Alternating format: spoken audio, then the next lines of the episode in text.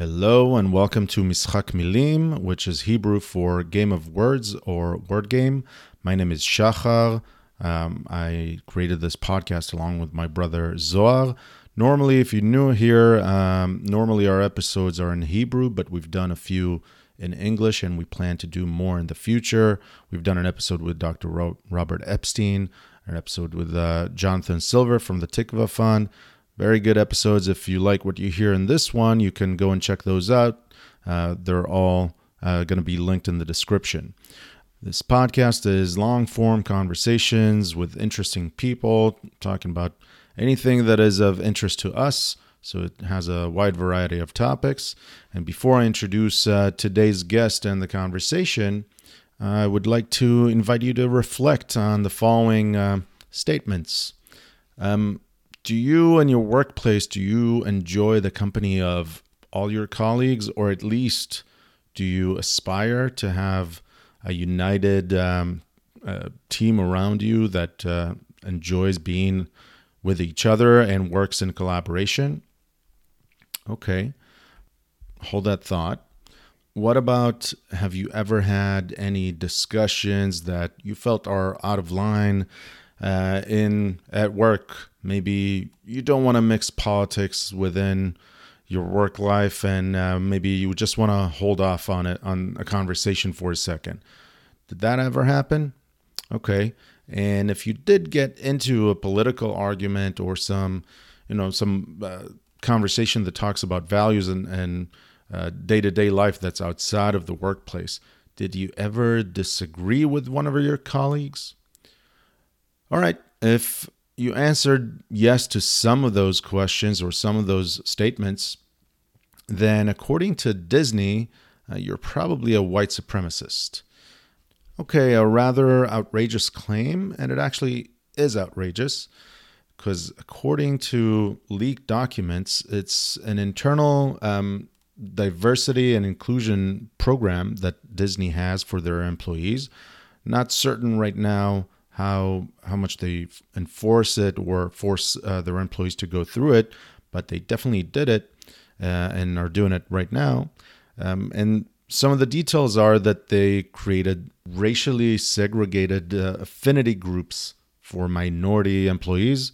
So Latino group and an Asian group and a black group, all separated by race. That's that's the only separation. Doesn't sound like progress to me also they discourage or say that it's wrong to say politics doesn't belong at work.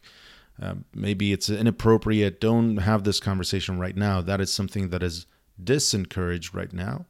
And of course if you're arguing with someone who's black then don't disagree with them. Just uh, you know nod and and move on and you know what? Don't even say I, I feel you. I've been there. You don't even you can't even agree with them that in that way because you're actually not familiar with the experience. So if you disagree or if you agree in a wrong way, you're racist. Of course, if you're not black yourself. All these documents have been exposed recently by Christopher Rufo. I'll put the link here in the description who's doing uh, it's his life his life's work right now to expose this nonsense that is brewing in every institution and every corporation in the U.S. at this point. And uh, you can follow him and see what he has to say. So if you felt like this is just this doesn't sound right or something here needs to be addressed, then you're going to love this following conversation because today Zohar and I we are hosting Benjamin Boyce. Benjamin Boyce was the man on the ground um, at Evergreen in 2017. If you don't know what that refers to, so stay tuned. That was the episode in a college in the western, uh, the west coast of the U.S. that imploded or exploded with lunacy, uh, which was there for all to see because everything was documented by the the uh, students themselves and the people involved and was a glimpse into what is happening in those uh, campuses and what uh, would eventually happen in the rest of the country during 2020. So Benjamin has been reporting on it, has been commentating on it, he's been doing great work, and since then he's uh, developed his YouTube channel and his content to more uh, areas. Um, his his YouTube channel is great. He has a lot of uh, commentary on different issues and very interesting conversations with great people. So we were excited to have Benjamin here. The conversation was great, and we hope you, if you haven't heard of Benjamin before, you can follow him. Um, and uh, that's it. So without further delay, let's give you Benjamin Boyce. All right, it's time to play the game. It's time to play the game. Time to play the game.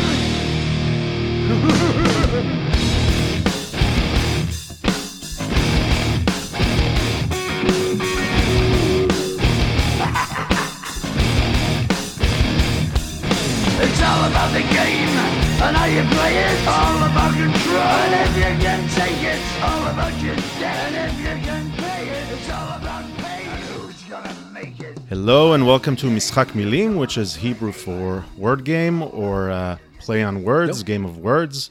Uh, my name is Shachar and I'm here with my co-host Zohar. How's it going, Zohar? Good, good. How are you? Um, good, usually in Hebrew, but sometimes in English. And I will remind our listeners uh, that is this is the podcast where Zohar and I attempt make attempt an attempt to sound smarter than we really are, but never succeed. Uh, and it can be interpreted in both ways. And if you'll think about it, uh, so let's make another attempt today. And we are joined by our guest Benjamin Boyce. How's it going, Benjamin? Hello, Benjamin. I'm good. How are you guys? All good. The calmest voice on YouTube. Uh, so I I'm working think we'll, yeah, yeah. So I think we can start by uh, you introducing yourself a little bit, uh, give a few sentences about yourself, and we can dive to a few topics. I'll give a, a preview um, before this, uh, an intro to this episode, but uh, let's let's start with an introduction of yourself, and from there we can keep going. Okay. Introduce myself in what context? um, who who are you? Maybe some of our listeners don't know who you are, and then uh, we can dive into maybe the reason that we uh, wanted to have you on our show. Okay. Well, my name is Benjamin Boyce, and I run a content network. I'm thinking of it as a, a media duchy or hamlet rather than a media empire. It's very small. It's mom and pop media shop style YouTube channel and podcast. And in this podcast and YouTube channel, I do a whole lot of interviews uh, exploring various cultural phenomena of the day. I have a lot of intellectuals and just you know pedestrian level interesting persons uh, on the show to talk about just the different issues that concern me. I got my start in 2017 when the college that I was about to graduate from, and I was about to turn 40 too, so I started college pretty late in life. Kind of being a roustabout, um, or not a ruffian. Is a roustabout a ruffian? Because I'm not a ruffian at all. Just more kind of like a ne'er do well kind of just Yeah, okay. layabout maybe. Um, Okay. And then I, I went to college later on in life, and What did you do be, before? I mean, were you skateboarding or what? oh what no, I was scapegoating. I was just going around Scapegoating, scapegoating. Um, no, I I worked in preschools and uh, did a lot of uh, just kind of odd jobs and focused a lot on constructing fiction. But the fiction that I was constructing wasn't marketable. It might be marketable, but I could never get myself to sell it because I kept on running into problems with what I was trying to get literature to accomplish. You were attempting to write to, to do world building and then write something that's an epic uh, saga or something like that. That's what you're uh, talking about, construction fiction. Yeah, Construction yeah. Well, it's okay. world building, but like squared, like world Mm-hmm. building squared. So I have uh, a, a variety of different genres, mythology, um, kind of basically based on the Bible and other ancient texts. And then I Hmm. Have so you were the sorry. So you were Tolkien or uh, uh, J.R.R. Martin. Okay, right? that's the guy so- from Game of Thrones. Yeah, so you have your Tolkien base, your Silmarillion, and then you have your fairy tales. So I have a fairy tale world, and then a heroic epic cycle, which would be kind of like the Lord of the Rings, and then modern different genre fictions like a horror universe and a science fiction universe, and then a modern uh, regular uh, standard literature, uh, real world, Okay. and then they're all stacked on top of each other, and they all interact across time in this Yeah. this multiple dimension kind of uh, multiple genre kind of thing. But I could never So you tried to do something like that, like Yeah. uh, the whole thing. All the right. whole thing, the whole thing. All right. Uh, All right. and I got to a point where I, well, I, I kind of tripped up and I burnt myself out doing that. And then I got back into writing and I wrote a novel that I thought was pretty good. But I got to the end of it. I'm like, I think I'm almost there, but I really need to just take time off of working Joe jobs and concentrate completely on literature, on fiction, on what it is to make a story, tell a story, think about a story, listen to a story, ingest it, and criticize it. And there was a college that was just up the road from where I was living, and it was very, very cheap, uh, being a state school, and I was very, very poor, so I got uh, an opportunity to go there, and that was the Evergreen State College. And the thing that attracted to me to the Evergreen State College, well, we'll get into what it was culturally, but just the model of education was very much independent oriented. It was very much built on independent work and very deep dives, very immersive dives into whatever you wanted. It, I think of it as what Evergreen. And you can really get away with anything or nothing there. You go to Evergreen and you get out of it what you put into it because of the way that the model runs. You can go in there and completely coast and skate for the whole you know, four years, five years, just get your credits and kind of do it. Or you can go there and do a master's thesis level work, which is what I was attempting to do. While I was doing that, though, the culture around me kind of infiltrated my mindscape. And right before I was to graduate, it exploded and imploded in a very fantastic fashion, where there was a student uprising and the students live streamed the entire thing for the world to see. All right, we're we're getting there, but just a, a little bit more about Evergreen, to because I think it builds the background uh, story better. Uh, So, what you said, I'm just uh, I, I heard of it, but I never heard it explicitly uh, put as you just did. You can not appear in any class, not take tests, Well, and no. you will get the diploma again eventually. No, you could you not could so much. you could figure out a way to do the minimum amount possible. Okay. You could And- really, and by the time I got there, they were catering to the, their acceptance rate was at ninety nine point eight percent or ninety eight point something percent, and they were taking on a lot of students who weren't college ready, and the college was failing to make them college ready. So everything was just getting dumber and dumber and dumber as uh, over the four years. It was noticeably different, and even my second day of class.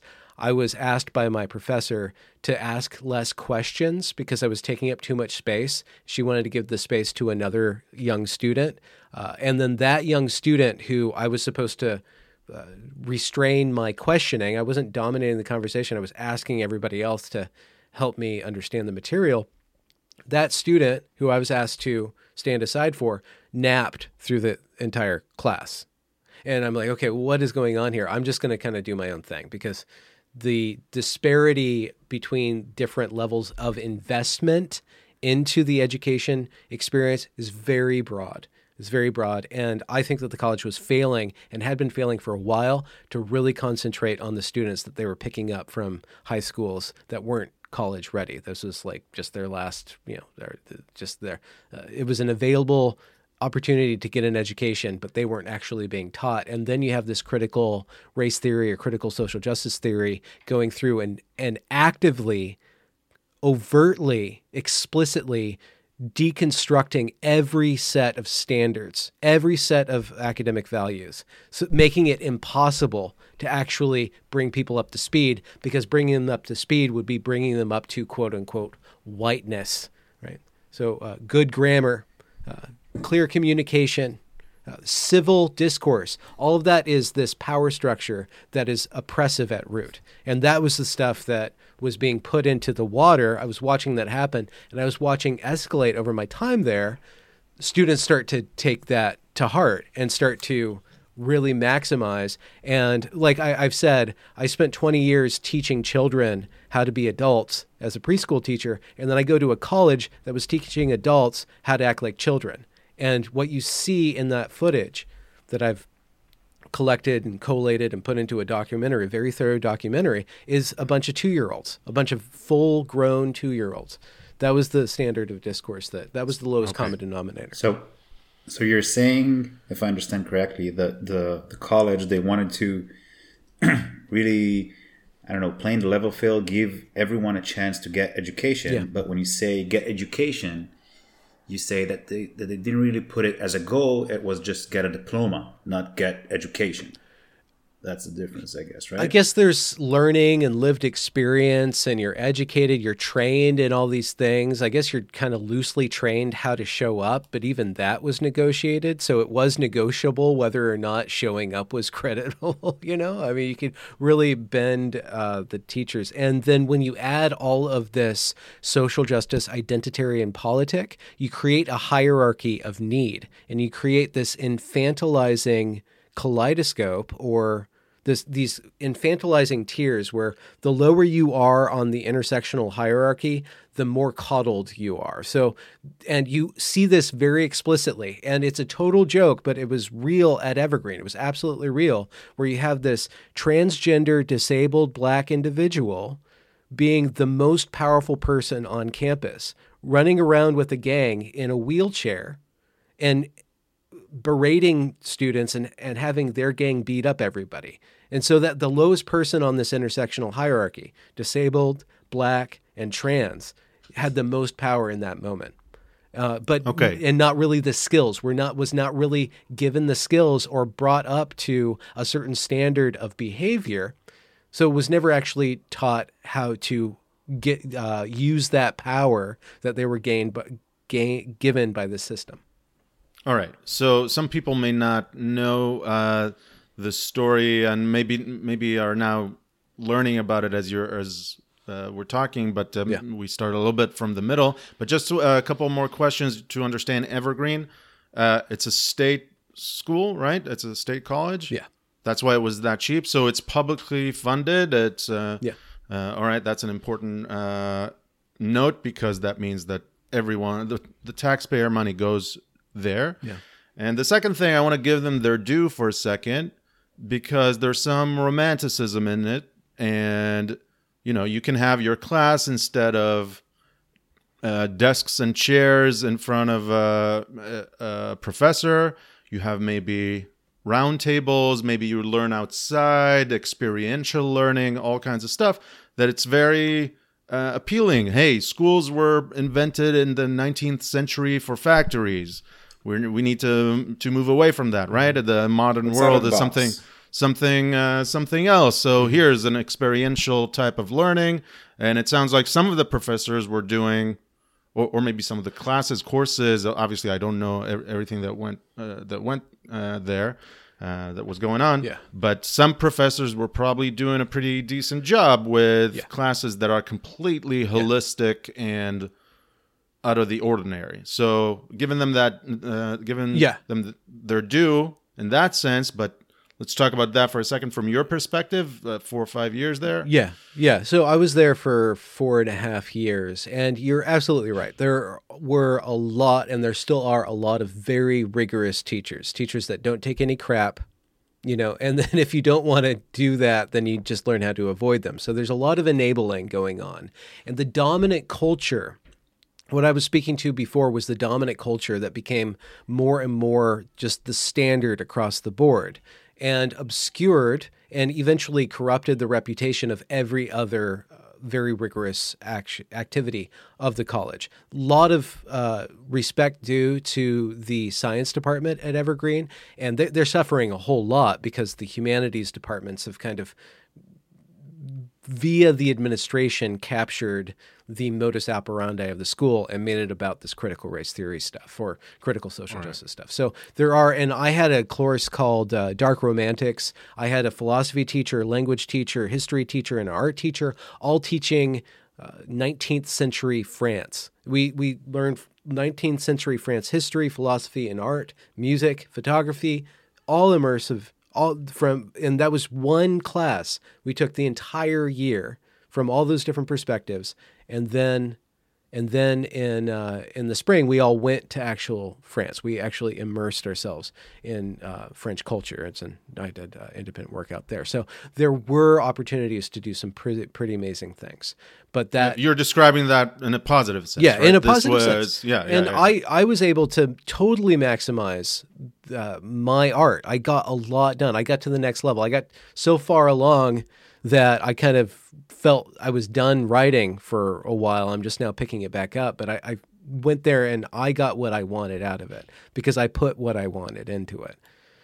okay. But that dominant So- culture of critical social justice corrupted that and caused more and more slackers and and radicals to take over the you know what happens between the classes. All right. So you mentioned critical race theory, critical social justice. We don't have to strictly define it because it's not easy, but you did uh, give the description of it that it deconstructs some of the things that uh, I'm sorry. Standards.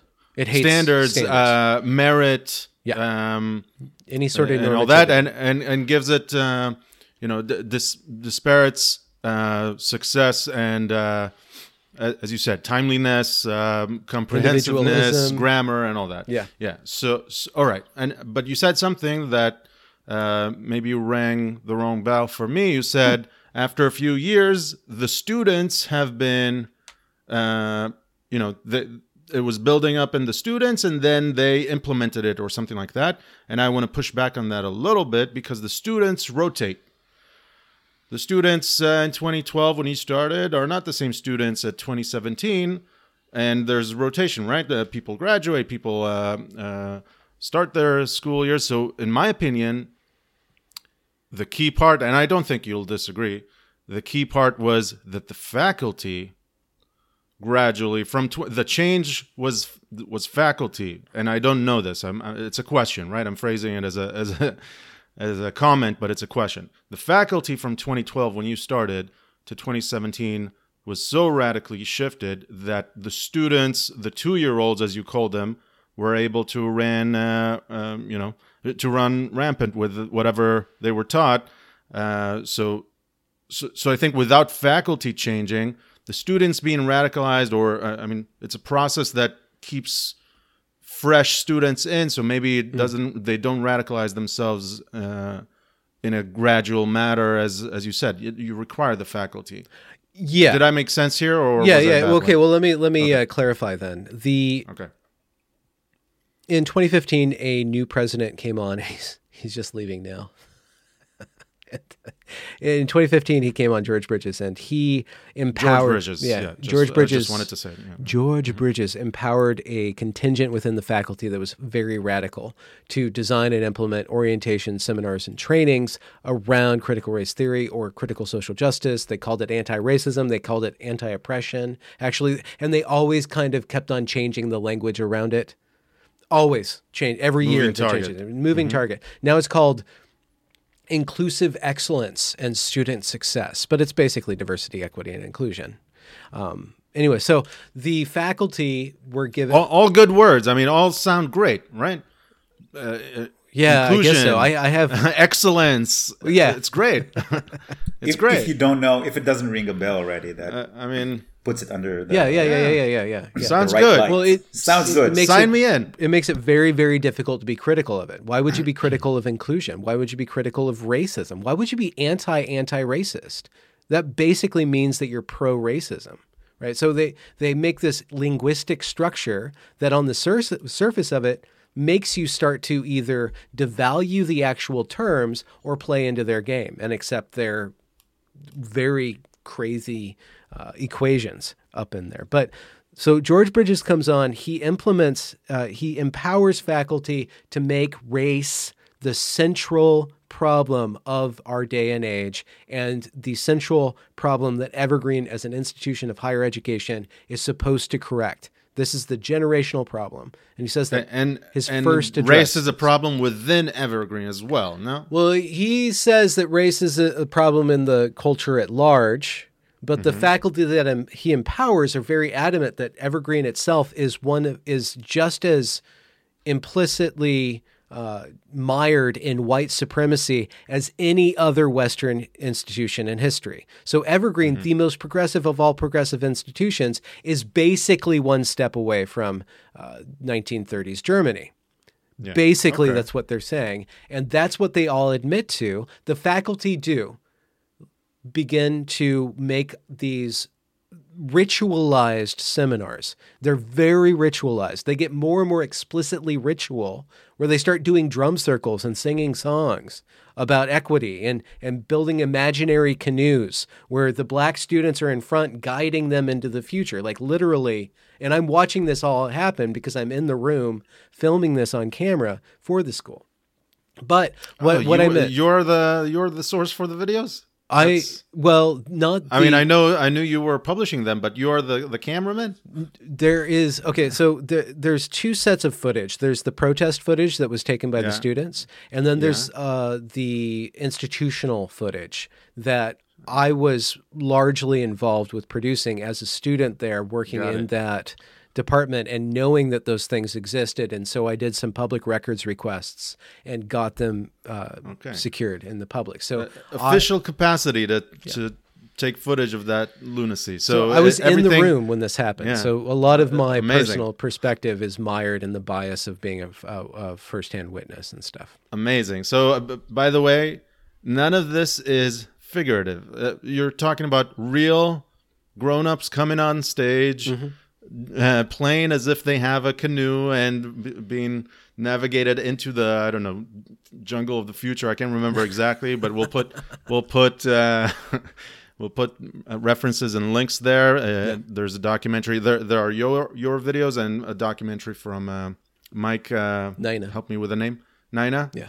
uh, um, that uh, everything will be referenced here. Uh, in case it's the first time, we'll, we'll put a lot of references in the description here. So, ritualized religious, quasi-religious. I would claim it's not quasi. It is religious, uh, ceremonial stuff. Yeah. yeah Gradually, you know, concessions are made by people that maybe don't adhere to every word, but they say, "All right, I don't want the Inquisition to come after me." Right? There were Uh, inquisitions already going on within the faculty. They would dogpile on you if you didn't agree that Evergreen was a white supremacist institution. Okay. Uh, and now we're going to get to 2017, but you know what? I have one more question. You said you were 40 almost. Yeah. Uh, so sorry for uh, exposing your. I just your, uh, exposed myself. I'm fine yeah, yeah. But if you were 18, would you fall for it? Um, I was Sorry, I don't know if you'll know the answer, but uh, give, think about it for a second. I was around a lot of 18 year olds, 19 year olds, 20, 20, 22 year olds that didn't fall for it. I wouldn't have been somebody that fell for it because, well, one, I'm not one that likes to be berated constantly. And as a white male, you're a complete loser. You are the loser. You are the butt end of every joke officially. Like officially, people on stage that work for the college will mock white men they will do that. They will be openly, actively racist towards that one group and bigoted and to that one group. So there's no reason to buy in that other than to get laid. And the women that you're going to get laid by, I'm sorry to go there, but I'm, I'm just saying, like, like let's do young men's calculus. Why would you buy into this?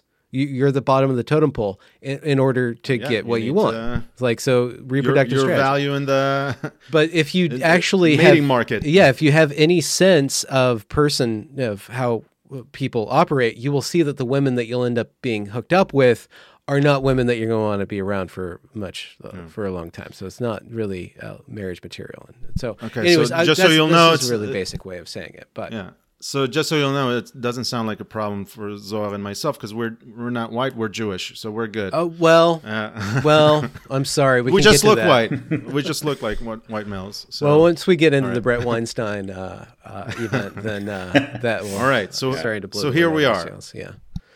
here we are. So faculty doing, uh, you know, faculty church is working. Mm-hmm. Um, things are are. Uh, simmering. Trump gets in- in a elected. you can't ex- uh, oh, okay. extract that from when Trump got elected on November what eighth Six. Yeah. of 2016. Uh, November 9th, we they, everybody had to walk out of class, and we everybody was just. I was on campus, and everybody was just like in shock. I, I was like, whatever. What did you guys expect to happen? But like, you play along because people are like, like, and, and we all go onto Red Square, which is like the actual place, the middle of the, the college called Red Square, and they stage Red Square? Oh yeah, and then they stage my this God, big okay. identitarian activity. Where all of the different people of all the different identities yell at white men for the whole time and like demand money and reparations from all the white people. And All right, ma- makes sense. So uh, we talked about this before that uh, Trump uh, getting elected for some people that didn't drink the Kool Aid that said, "Ah, come on, we're not that racist. Uh, the society, American society is not that racist." Yes, there was, but you know. And then Trump gets elected, then they say, "Oh my God." If they are consumers of certain type of media, they say, "Hey, actually, those uh, those people with the Kool Aid were right. Give me a sip." Uh, and it, Yeah. it it pulled a lot of people towards that. Oh, actually, the country is racist because they chose, uh, you know, the this uh, orange uh, orange Hitler. yeah, yeah. So uh, all right, It- so so everyone was was- much more susceptible after that. Yeah. So. yeah it was it was um it was a pushback towards trump because of everything that happened but then there was a second backlash with with uh, trump getting elected Pendulum. that, that brought yeah it, it, it's a pendulum but it didn't go all the way it went towards trump because he got elected but it didn't go all the way i mean the, the crazy was still there and the, the, the pushback was then going this threw everything away and it was tipped off Yeah. with uh, with what you're about to tell Yeah. now right, It's a right total topsy turvy time, especially in the most liberal five mile radius of the most liberal uh, state in the United States. Like this is like they they are everybody's of a certain mind, and when Trump gets elected, that changes the game. That turns up the heat. The students start to protest more brazenly, and that's why that's what I meant. the The students began to, as, just as a student body, certain contingent within the student body that are radicals, uh, and Evergreen's always attracted and given a home to these types of individuals. You know, these anarchist, communist kind of people, and these you know these people who want to protest. Evergreen's known for its protesting and kind of mocked for it. Uh, and this is not the first event that they had; it's just the most radical event that they had. But because the faculty were off kilter and the administration was against Trump and explicitly calling Trump out for being, you know, this pseudo fascist dictator and and leaning into that rhetoric every every adult was leaning into that rhetoric and then the students were leaning even further in it and say that we have white supremacists and rapists on this campus right now and they t- they start taking over these meetings and demanding that the police get fired because the police are unsafe. The police are a fascistic arm of this institution of this government, but they are incredibly unsafe. So they want to be protected, but they want everybody that's charged with protecting them to put up with all of their just insane behavior and then go away.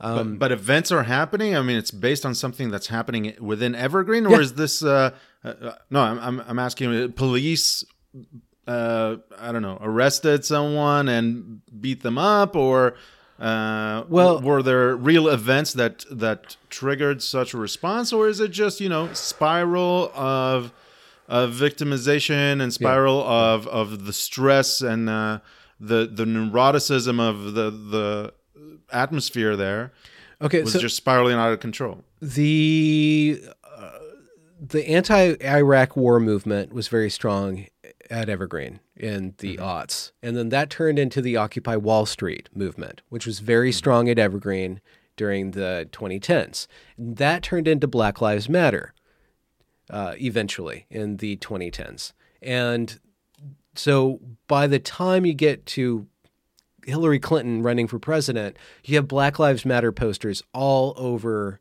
the campus and a lot of uh, very attentive uh, reverence towards that movement. And then in 2015, just prior to George Bridges coming on, there was a shooting where two young black males uh, attempted to assault a police officer with their skateboards, and they both got shot. And that was seen as police violence because black young black men getting shot by police is ipso facto proof that we're in a repressive regime. It doesn't matter what the blacks young men are doing at all. That doesn't matter. Yeah. Stealing beer doesn't matter. Assaulting a police officer it doesn't matter. And so once that happens, the school recommits itself to anti-racist, Black Lives Matter uh, rhetoric and belief. And so that is just it's a very powerful part of the evergreen consciousness. Also, you have to think of the way in which social media has been molding young minds at this time and where you have a lot of political activity becoming the church or the mode of moral communal belief is through politics now. And Black Lives Matter is a very powerful attractor for moral for for young individuals who want to have a moral backbone and then to police and enforce a morality which is a very intoxicating very powerful activity that people experiment when they're a certain age and certain people are just very moralistic. And without the uh, without a large church structure that keeps those people in check without something that keeps those people in check they end up dominating every kind of conversation and group that they go into because there's nothing to keep those people who are very certain that they are right from demanding everybody else agree with them and then uh, collecting a lot of moral power. And that's kind of how you get to the Bret Weinstein situation where he starts to critique the equity Bret Weinstein was a professor at Evergreen along with his wife. We mentioned Bret Weinstein. Uh, so, sorry for cutting you off. We mentioned here in, uh, here him in this uh, podcast before. That's how we got into the public eye. What we're what you're going to tell right now. But he was a professor. They were both professors, and he started to push back. And I'll let you uh, take it from here. Yeah. Yeah, Bret Weinstein and Heather Heying are both, uh, I guess, they're doctorates in evolutionary uh, biology, and that's what they taught the Evergreen State College. And in 2016, the college, so the college had started doing all this.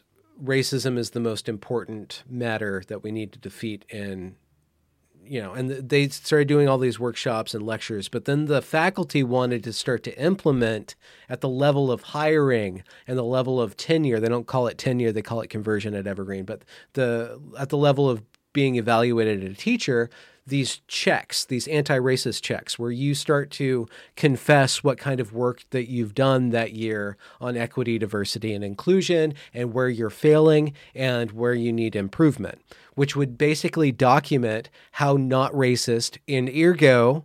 If you read between the lines, how racist you still are. That would actually make a public document that would then be used in hiring and and and uh, promotion. That would implement a sort of ideological check within the institution, which is already heavily ideological to begin with on the surface. And and Bret Weinstein stood up in 2016 on May 23rd, a year to the day before he's protested. He stands up in a faculty meeting.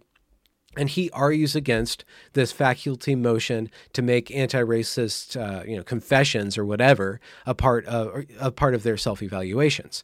And he gives his reasoning uh, that he's all for equity, he's all for this stuff, but this is the improper way. It can be used to enforce a ideological, uh, you know, kind of uh, groupthink. And do we really want that? Is that really proper for a liberal arts education uh, institution to do that? So he starts. Yeah, and, and and Bret and Bret is not. You can't blame him for being overly Republican. Let's say. He. Oh, okay. Yeah. No. He. Well, uh, like you, he's uh, Jewish, but that doesn't mean that you can't be a hard nosed uh, Republican by any means. He's very progressive, very Bernie guy. Very. I'm. I guess I'm. I'm trending more center right. I would like to be a liberal, but like I don't see how it can be stable. But he's very to this day, he's very progressive in his outlook. He he really does think that I, I, think that he thinks that a top-down organization of society is the best way to run things. So in that sense, he's progressive. He's very into uh, redistribution of resources in order to lift up the downtrodden, and probably using some sort of uh, apparatus of state to do that. Which is, I think that's where we part. But I don't want to put words in his mouth. Anyways, that all goes to say he's very, very, very progressive, very progressive. But he's just unfortunately kind of intelligent and so he, he runs through all these how is this stuff actually going to play out he's very good at the game theory stuff and so he was just operating on a game theory level I- intelligent and let me add, not racist for real. So, So- that's why. So uh, that's why that, that didn't tickle him. I, I need I need way. to give a comment here because you mentioned anti-racist, but let's just uh, talk about that for a second. In the anti-racist framework, there's no such thing as non-racist. You are ei- either racist or you are anti-racist, which is a certain uh, uh, ho- holds certain uh, um, positions or stuff that you need to do, and and to put it bluntly, that means you need to discrim- discriminate the opposite way. That's what it means. You, you need to to reach equity, uh, you know, um, equality of outcome, Yeah. And other Equalization. stuff. S- Equalization. All right. So a- you- need to be anti-racist, and you need to um, discourage whiteness if you want to be considered a not ra- a non-racist. Yeah, you need to put Because otherwise, yourself otherwise you are a racist. Yeah. Okay. you don't So- question you you enforce it but you don't question it you follow the lead of the people of color as they call them Yeah. Claiming to not see color is the worst kind because you just ignore the lived experience and all kinds Yeah, of uh, yeah. stuff like that. Yeah. So Bret Weinstein, uh, unfortunately, is just a non-racist, which Yeah. means that he is racist. Yeah, yeah. Okay. So from there, he stands up and he says, "This is going down Yeah. a dark path." Yeah, and and they keep on going. The equity council they they form an equity council, and then they put together a report, which is the canoe meeting, where they give out this suggestions on controlling hiring, and they have this heat map. They have this all this data or data. I don't know how uh, Israelis say data. Data. Netunim. Metonym. Oh, nice. I like that one. Um, yeah. Uh, we can maybe can get into the Zohar later on or not. I don't know. Um, anti-racist uh, uh, mysticism, maybe uh, a bit. Maybe sorry. And We, uh, can, we can talk about it later. the so they they use all this data and they massage the data so ineptly and so strongly to support their conclusions. So they come in with this conclusion that black students and then students of color, but black, indigenous, and then students of color. So they already have a hierarchy. It's already a, su- a supremacist movement because they call it BIPOC. Black indigenous people of color and they put the black first. And then and then there's this descending order of oppression and therefore a descending order of who needs to be served most. And they take all this data and they say that black people uh, and especially you know, black, all these intersectional categories are not served. They're they're not you know, served in every way that the college can be served. They're not brought up to speed. They don't uh, tend. That we can't recruit them, and they're not sticking around. So we're not retaining them. And actually, the actual data says that poor white men are one of the most at risk categories, but they scrub that out. They don't want to mention that at all. That the state run college in a state that's 70% white is not supposed to serve that 70% or that lower bracket of that. That, that those 70% white people are lesser importance to the institution. Uh, or in our in our trying to be equitable, trying to implement this kind of redistribution of resources, which is kind of Marxist or at least socialist in a way, we're going to make uh, it's it's no longer about class; it's about identity. Um, anyway, so they make this report and it's really faulty. It's really faulty. It's, it's kind of thrown together and it's actually plagiarized. Uh, they plagiarized it from a bunch of other uh, equity statements and they kind of hobbled it together at the very last minute. And then they give this big speech about how much work they put into this thing and how you need to get on board our canoe. You need to agree with this. We don't have time for you if you're going to resist us. But the actual substance that they're ignoring is not true. It's very falsifiable which is their fault. They shouldn't have made anything falsifiable. And they should have just remained in the world of unfalsifiability, which is their strong part. Um, but, you know, they have all this data and then they have all this uh, ritual and forcing everybody to get on board. And they have all these songs and everybody's going to change the world, you know, and all these teachers and stuff. And then Bret Weinstein and a couple other professors stand up against that and start to write all these emails and start to deconstruct that and say that this doesn't actually work. And then they get pushed back and there's this big email chain going on. And this is November, December of 2016. And then in the f- winter of, or the early months of 2017, the college puts together this day of absence uh, ritual, which is, uh, or this, uh, you know, this repeated pattern day of absence where uh, the black students traditionally, or the students of color, sorry, traditionally go off the campus to show the campus how essential they are to the workings of the campus. And that's based on a Douglas Turner Ward play of the same, same name, Day of Absence, uh, where, you know, the southern town and a lot of weird things. Just if you look at the footage, they appropriate a lot from the South. Even though we're in the Pacific Northwest, the this mindset appropriates a lot of the mythology of the black individual and the white individual from the South, and their their speech patterns are kind of adopted from there, and then kind of the the story that they're telling about race, it, it kind of circ- it's kind of based in Georgia in 1957. That's basically the mythology kind of originates there, and they've imported it and stapled it on this other culture, uh, this Pacific Northwest culture, which has its own brand of racism and its own history of racism, but because they're adopting this entire American story, this, 19, uh, the 1619 story of showing uh, racism as like the part of the DNA of America, and therefore something that is exists in every spot and in every corner. They kind of just amalgamate all this cultural stuff and kind of jam it all together. So 1619 being the first uh, slave ship coming from uh, the old world, from Africa or Europe. I don't don't recall where the sh- the specific ship came from. Came to the shores of uh, of of America.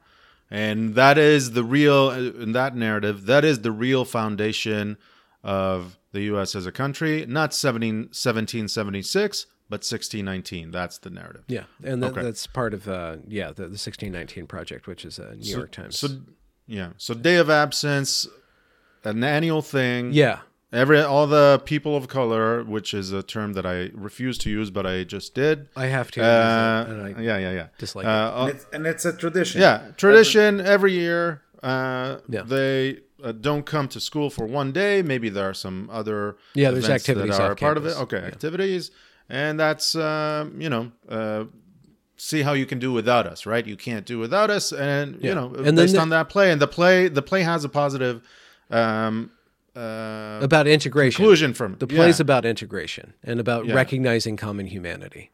and, and the day of absence in the play is that the workers uh, correct me if i'm wrong but but uh, grown-ups that don't come don't show up to work for a day that shows that nothing can uh, can hold without those people so that that's why Yeah. they need to integrate they need to uh, uh, reevaluate uh, people of color's worth and all that so that is what the play is about so they are taking that and say all right we're doing the same. The same uh, symbolism is uh, is in place. Yeah, yeah. That that is happening every year, but in 2017, They change it where they request that white people leave campus, where they say, okay, we're going to center, in order to be inclusive, we're going to center the campus on students of color. And we're going to have events here, and then we're going to invite students of uncolor or bleached students or students of low melanin to go off campus. And that was phrased awkwardly. It was conceived awkwardly. It was phrased awkwardly. And then in internal documents, though the college still refuses this happens, there's internal documents that show that teachers began to require white students to either not go to class, to go to the to, to not to not come to campus, to go to these other uh, workshops off campus, or there was even a class where white people were brought out into the woods under a tarp and they did their anti racist work under a tarp to give the campus to students of color. Bret Weinstein said that. th- Wait, can, can I say something here? Because it's implicitly obvious, right? This is centralizing on people of color. This is throwing the people with low mel- melanin out and all that. But if we go back again to the play and what was the purpose of the day of absence to show that we need integration, you can't handle reality without us. So what they just did when they flipped it is really showing, hey, we don't need those white people, right? So so just the purpose of the day of absence. Uh, I- I mean, I'm, I'm explicitly saying not just the centralizing on the the black and, and people of color, black people and people of color, but also what what the focus is on the people that get away. We don't we don't need you in order to handle reality. We can do it without you. It's even- and that has implications, you know, if you if you extrapolate on that. It's stronger than that, actually, and it's explicitly Okay. stronger than that because if you look at the programming for the day of absence, if you look at what the that so they reversed it, and then what the white students were taught was to recognize their privilege and to recognize how they themselves, whether they like it or not, are constantly oppressing black people and they need to reverse that. So the white people are implicitly the bad guys. And then on campus in the for the people of color there were all these very explicitly anti-white um, seminars or workshops or whatever and then not even anti-white but also workshops saying that how jews uh, contribute to white supremacy, how Asians contribute to white supremacy. So they're not. So even on campus, they're they're vilifying anybody who's white adjacent, which doesn't mean it doesn't have anything to do with with uh, skin color. It has nothing to do with race. It actually has to do with productivity. If you read behind the lines, between the lines, they start singling out groups that are productive, that actually get ahead in the system, because what they implicitly want to do, or yeah, what covertly want to do is to destroy all systems that function because it, those systems that function don't distribute wealth equally and they're seeking equality. So anything that gives unequal results is something that's bad. And and so what they do is they strip out merit and they start to attack any group that that works hard and uses that system or gets ahead in that system which which as you know are Jewish people and Asians and a lot of immigrants even immigrants that are black are way ahead of white people in in how productive they are because they're they're playing a game they- they're they're playing the game as it was built which is to be productive and which is to generate wealth. That's kind of what capitalism is. And All I right. hate it? So they uh, declare the reconstruction or the reorientation of the day of absence. Yeah. And I just just briefly, I I really despise thinking in terms of race. I really despise talking that way. So I, I just want to wash my mouth out from so I don't think this way. But this is this is the stuff that I had to learn and that I was exposed to, and this is the stuff that's explicitly going on behind the veil of equity, diversity, and inclusion.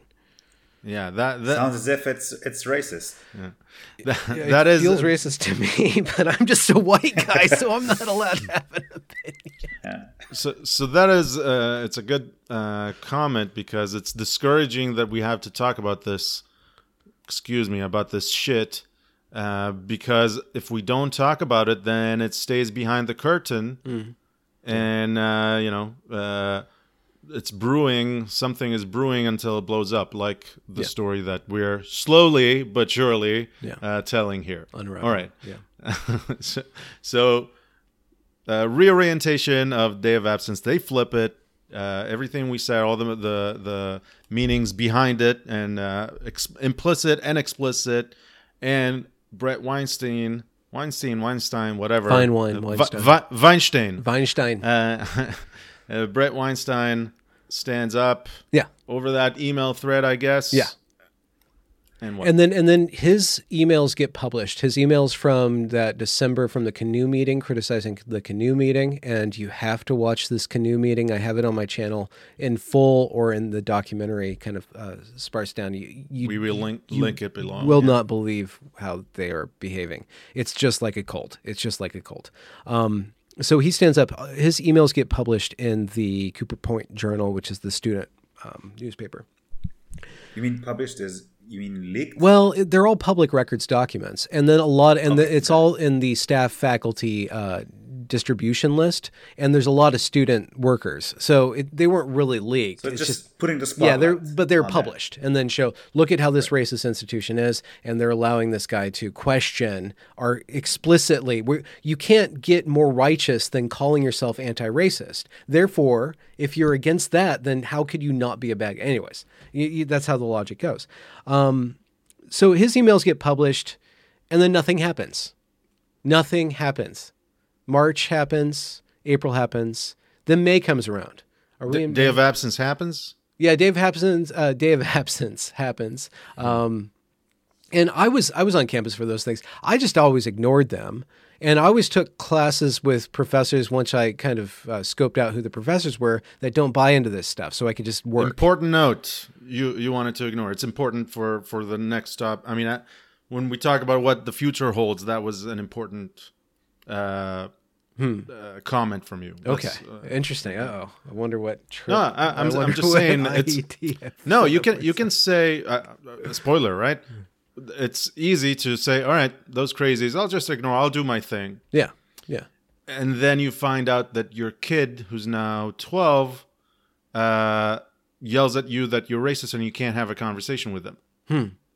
right i'm, I'm just um, all right so we'll, we'll get to that Yeah. we'll get to that. okay. But- yeah. I, I think I see where you're going, but uh, you need to surprise me at the proper time. Um, on May 17th or May 16th, it, we're almost at four years now.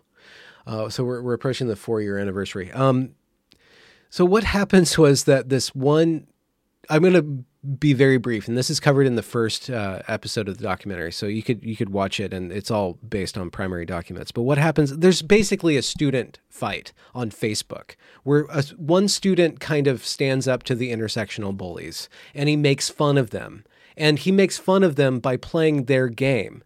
By the the intersectional students want to have an all black class, and and they they post that black people we want to make this an all black class. And then this other student who's actually a native american and a puerto rican so he's actually another student of color just does the same thing and says we want to make an all white class. So white students show up and that triggers them and they have this big meltdown on facebook that then spills over and there's this bullying and there's all this you know putting up posters and they're kind of trolling each other everybody's trolling each other. And that kind of comes to the head where the student who was mocking them, Keave Duvia, he ends up uh, getting threatened or feeling very threatened uh, by another student. And he goes to the police services and he complains, says, I don't feel safe. These students are targeting me and it feels like uh, they're, threatening me. And then the police department says, okay, they take the report and Evergreen has a very small campus police department. It's, it's not beholden to anything else. It's just for the campus and it's attenuated to the cl- campus climate that hates police. And even the professors, everybody hates police. They, they're very anti-authoritarian there. Um, and that, that might come up later, but uh, anti-authoritarian is a broad too broad i think Okay, well, they're anti-authority. they want all the authority for themselves, and we can get to that when they right. get when they start doing the community policing. And then you get to actually see what they mean by community policing. But the the students complain to the police department. One student complains to the police department. The police department, due diligence, calls the other student, who's a black student, says, "Would you like to give a statement, so we can f- sort this out?" The other, the black student says, "Yes, I would like to give a statement."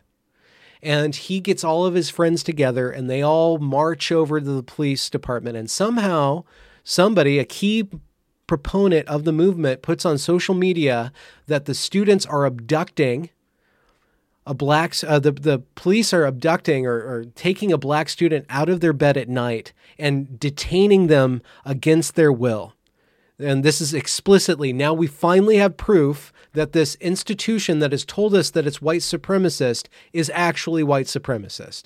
That this institution that's the most anti-cop institution in the state is in fact using its police department to, you know, put the heel on the black man or the black body. They, they don't use the black man, they use the black body. Everybody's a body in this uh, mindset. So that lie goes out, and then a bunch of students show up at police services and they start protesting the the mistreatment and the detaining. And that student was never detained. He was given volunteer. He was he was given he was allowed to leave, It was there voluntarily giving a voluntary statement. So it was all a lie. And based on that lie, the students start to host these meetings and start to plan out this week of protest. And they start to say, this institution's racist, this institution's racist. We need to finally hold them accountable for all their racist shit. Sorry, that's uh, use the word that they would That's use. fine. That's fine. Okay. So the so the the it's a fact that it was a lie. Are there overwhelming evidence to show that it was I have, a lie, I have, or maybe uh, it's true? Well, I don't and- have, I don't have recorded interviews with police, but I've spoken with the police there. I, I've seen the reports. I've seen the reports from the investigation, and and and the person who's putting out that lie is lying constantly. So if it's not a lie, I don't trust the person who put that out because they successively lie, lie, lie, lie, lie on camera. When on camera, there's video evidence. So I, you know, maybe you could say that it was a that the police were all lying and stuff, but that's that that's how it's all formed in the documents that I have. Okay, got it. So the students are planning this protest. Well, they, they're they're starting to get really unresty, and then they're like, "Well, we need to protest, so let's do something about this." And then at that point, somebody brings up Bret Weinstein's emails, and they say, "Okay, let's plan a whole week of protest. We'll go to Bret Weinstein first, and then we'll do this, and then we'll do that, and then we'll do this, and we'll do that." And they have this whole week planned out they show up at Bret Weinstein's class at 9:30 a.m. or 9:12 or something like that on May 23rd, 2017, and that's all in the documentary. I, I can't really. I should let you like how I constructed it was all out of interviews, so you can really see kind of how it kind of blossomed. But Bret Weinstein tries to speak with them. They're all. F- uh, videotaping him and streaming him on the, the internet and yelling at him that he's a racist. He's like, I'm not a racist. Let's talk about this. I'm the day of absence protest. What I'm trying to do is be equal. I'm trying to make equity. I'm trying to give you, trying to make a society that serves everybody. Because if you don't do that, then you're just going to make another. He's trying to reason with them, and the students aren't having it. They just go completely ballistic and haywire. And it's very iconic. And that footage leaks that footage is cut up and starts to spread on the internet. And from that moment, the the students also they were proud leaking it. No, they they were. no, they were in the right. it. They were in the right, and and and to this day, every criticism of their behavior is from the alt right. Everybody who would see something bad about what was going on there is de facto alt right. That that's all that anybody. Try it or worse, a Nazi, whatever. So Yeah, yeah. so yeah. Which is- so uh, yeah. yeah So, so so it's not like it leaked and some uh, some someone recorded without permission. They recorded it They themselves. were recording. They were posting. They because this is a source. The, This is the document. source source of, of pride of what they're doing. Look, we're fighting fascism, racism, white supremacy, whiteness. Uh, And this is the most evergreen thing that you could do, which would be to completely take over the school and turn it all into one thing and have everybody on board and do this huge basic LARP of justice.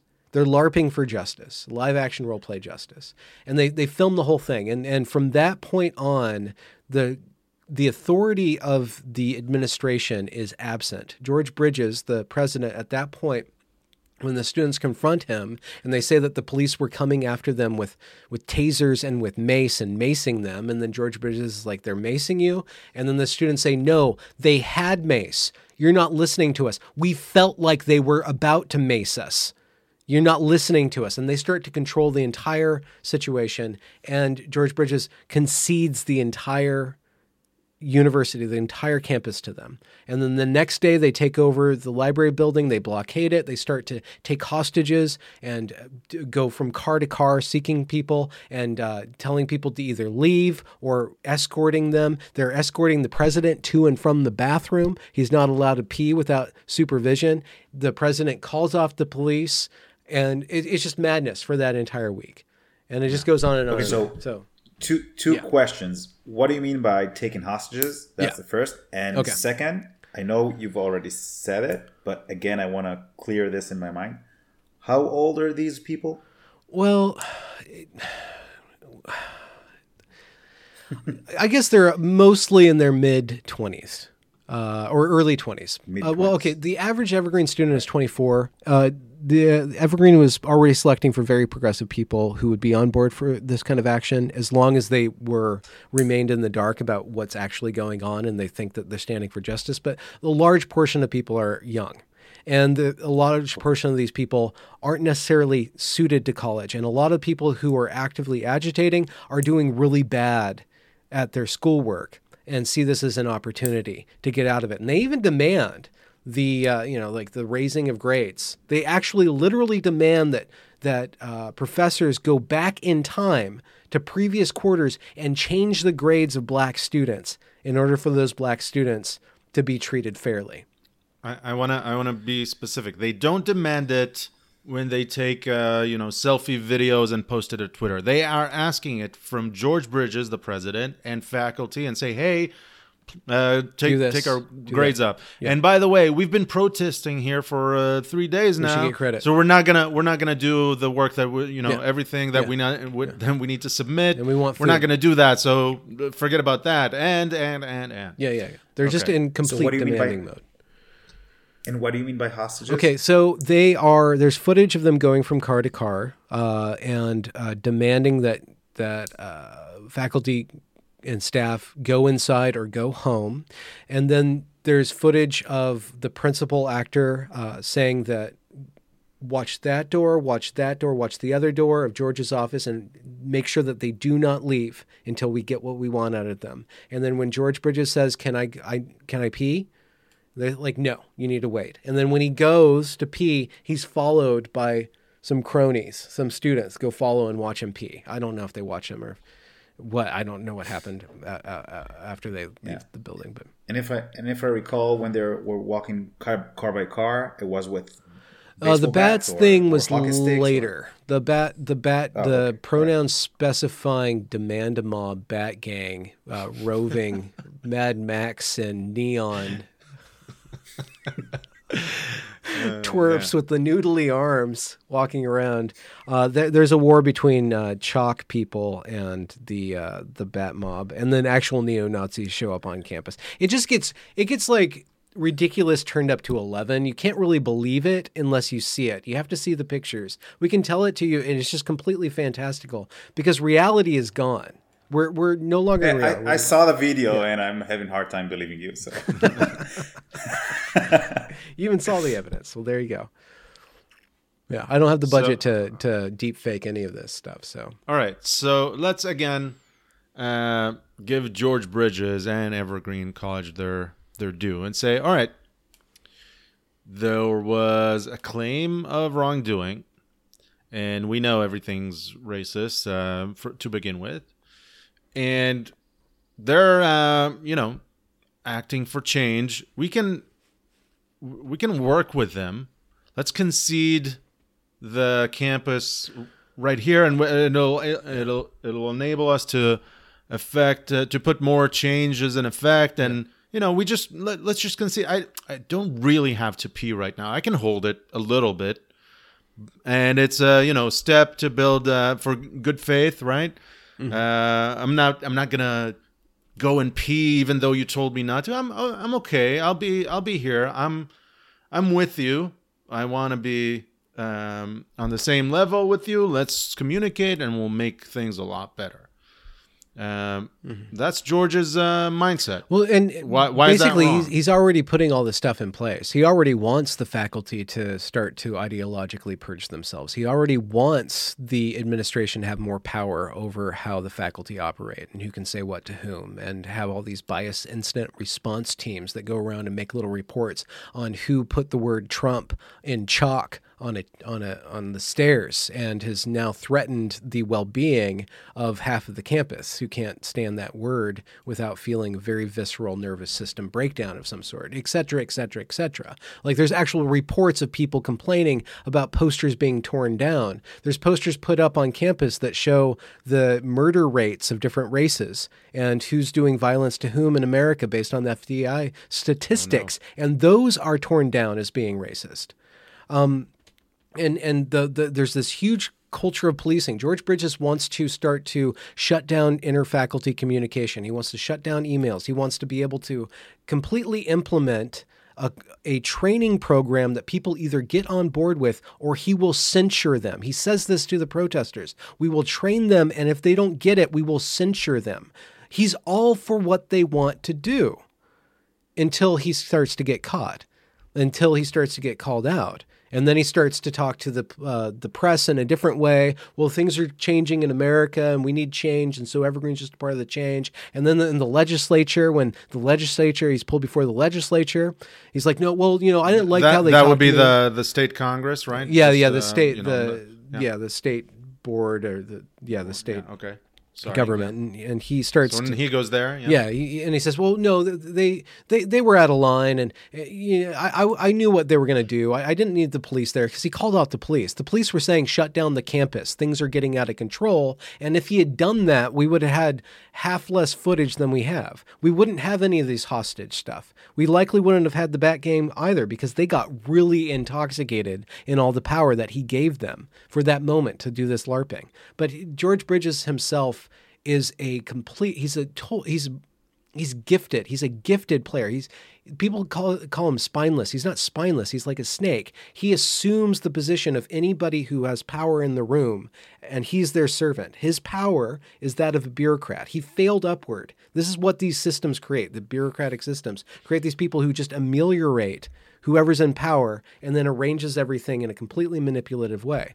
You can't trust the person themselves, but you can trust that as long as you are uh, the part of the prevailing wind, he'll be at your back, and that's basically what he does. So he's he's serving the students when they're upset, but he already has things in, in place to make the faculty get on board with what he wants, which is to centralize the power uh, of Evergreen in the administration. And then he's for the legislature, and he's for the students, and he's for the faculties, whatever. So I don't, I don't. He's a fascinating test case. I am not a good person to really give an accurate depiction of his behavior because I've studied it for so long, and because his name happens to be on my degree, which I kind of take a little personally.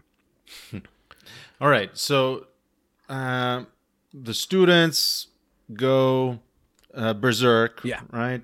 And the campus is being uh, occupied in a sense of hostages, and Yeah. there's no police, and they are the police, right? Yeah, yeah. And the demands for uh, for uh, Accountability. not doing the curriculum and accountability, and fire this, fire that. Yeah.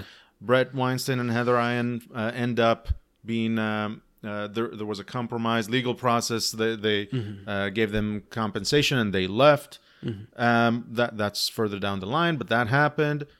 But uh, and you know some of the demands were answered. I don't know if uh, some were not answered, but okay. There, there was this episode. It went viral in real time. Mm-hmm. Yeah. And okay, that happened, and Evergreen is still with us. No, what's uh? Oh, okay. Well, uh, Evergreen. It was an episode, right? Yeah, yeah, You it was know? just like an episode. The next year, their enrollment goes down because people had already enrolled by June. That's how it works in America. You kind of basically you're already locked in for the next year, and then it starts to tank. It goes down from 1,000 students a year to about 300 students per year or per class to now they're barely able to get 200 students per year and they need to be at 1,000 students per year. So they've gone from 4,000 students and now they're going down to 1,500 next year. And then COVID hits too, which they are trying to, they're angling to blame their, uh, their It's because of COVID, co- right? It's Yeah. COVID. The alt right came through campus, and actually, that's what they say. Whenever they talk internally about what happened at Evergreen in 2017, they say that the alt right targeted them because Bret Weinstein went on Fox News and told the world what was happening to him and thinking that he was the person that this was all about because of his white male Jewish privilege. Right. yeah. Yeah. It's important to note that he did go on Fox News. He did. He went on Tucker. and yeah, yeah. So, so not not Carlson. that that is anything. Yeah. well, no, it's, Carlson. it's it's an interesting point. Uh, no, the interesting point is that he went only on Fox News. Yeah. And not because that's where he wanted to go. Yeah. Because the other networks, the other corporate media ignored it as if it doesn't exist, even though at least you know in uh, in the echo chamber we all call social uh, social networks right everyone has their own echo chamber that went viral. Yeah. completely but then it didn't existed if you're watching CNN. any other mainstream news outlet. So, uh, like yeah, MSNBC, CNN, New York you name it. Times had to cover it, but they stuffed it in the opinion section. Yeah. Uh, okay. So, so they did have a, a column, and op-ed about it. Yeah. but not in the news section. No. So now Bret Weinstein is fighting for his job at that point. He's been targeted as a Nazi. Yeah. Uh, he had to leave All the faculty, the because faculty police- sign a letter against him, saying that the stu- that the student code of conduct should be lifted for the students who behave this way, and the faculty handbook uh, behavior should be tightened so we can punish Bret Weinstein for what he did, which is actually nice. to be a person in America speaking their mind. Basically, Yeah, So the faculty are against him, the administration's against him, and the students are actively seeking for him on campus.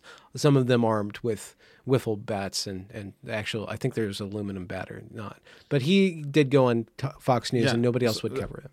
Yeah, I- so, a so I'm local saying, news uh, company did. I, I think that an open-minded person, Bret is one, would go on uh, Tucker Carlson and Fox News regardless. But even if he wasn't that open-minded, yeah, and he would just just try to mitigate this disaster that is hitting his life you know he's protecting himself himself from being called a nazi he would go wherever he could and he apparently he only could go on fox news that's what he claimed at least and and the evidence shows it that he, he wasn't anywhere else and the story wasn't anywhere else except that op-ed you mentioned. Can I can I mention something tactically about that? yeah. Um, and uh, this is brought up because I just did an interview with Paul Rossi, who was a math teacher at Grace Church High School in New York, and he stood up to the critical race theory, critical social justice training that his that were being put on his students, and watching what it was doing to high school students, what this identitarian politic that's mandated from the institution is doing to the minds and the behavior of the students, and he stood up to that by questioning them, Paul Rossi did. And then the institution itself came down on him, and, and now he's in the process of being fired, possibly. This is a very recent story. Uh, it's another version of the Bret Weinstein thing. The students are ac- ac- weren't actually going after Paul Rossi. Now it's the institutions themselves that Faculty, are bearing down. The faculty the and the president, institutions. Well, the president even there's recording of the president siding with Paul, which is fascinating. And the president saying, "Yeah, we are demonizing our white students." secretly recording him, which is legal. He was Paul Rossi was recording him. Yeah. He where the president is saying, "Yeah, I'm with you." It's actually Yeah. demonizing. It's actually racist.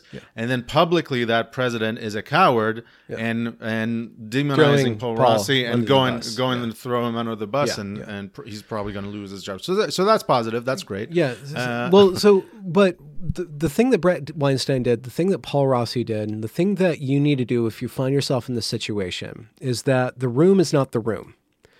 The room that you're in, where you're being told that you're the racist and that you need to get on board, that you it, that you're put in this manichean behavior where you're either anti-racist or you're a racist. You can't not be. ra- There's no way to opt out of this stuff, and it could be racist. It could be the gender stuff as well.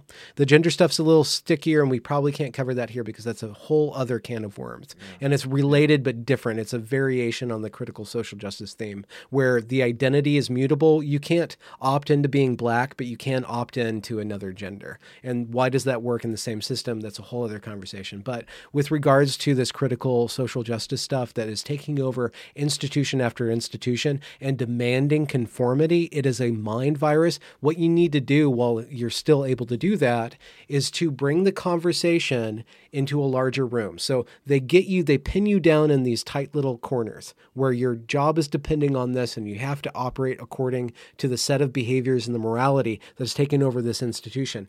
You have to change the room. You have to bring the conversation into a wider uh, into a wider purview where more people can see what's going on. Because so many people in that small institution have their blinders on or are already silenced either willfully silent because they don't want to get targeted or they just are going along going along with the program in one way or they are true believers in it. This ideology is really good at at- it's like a cult. It, it's really good at purging any sort of dissent out of itself by these by the way that these trainings are put into place. You're actively targeted and strained and put in all these really strange, illogical Kafka traps and other sorts of uh, of illogical places where you can't actually argue your way your way out without being a bad guy. You can't even question without being a bad guy. So what you need to do is change the room. Bret Weinstein changed the room by showing that Evergreen, the room is not the room at Evergreen. The room is now Fox News. The room is now America. We're going to bring this out into the public.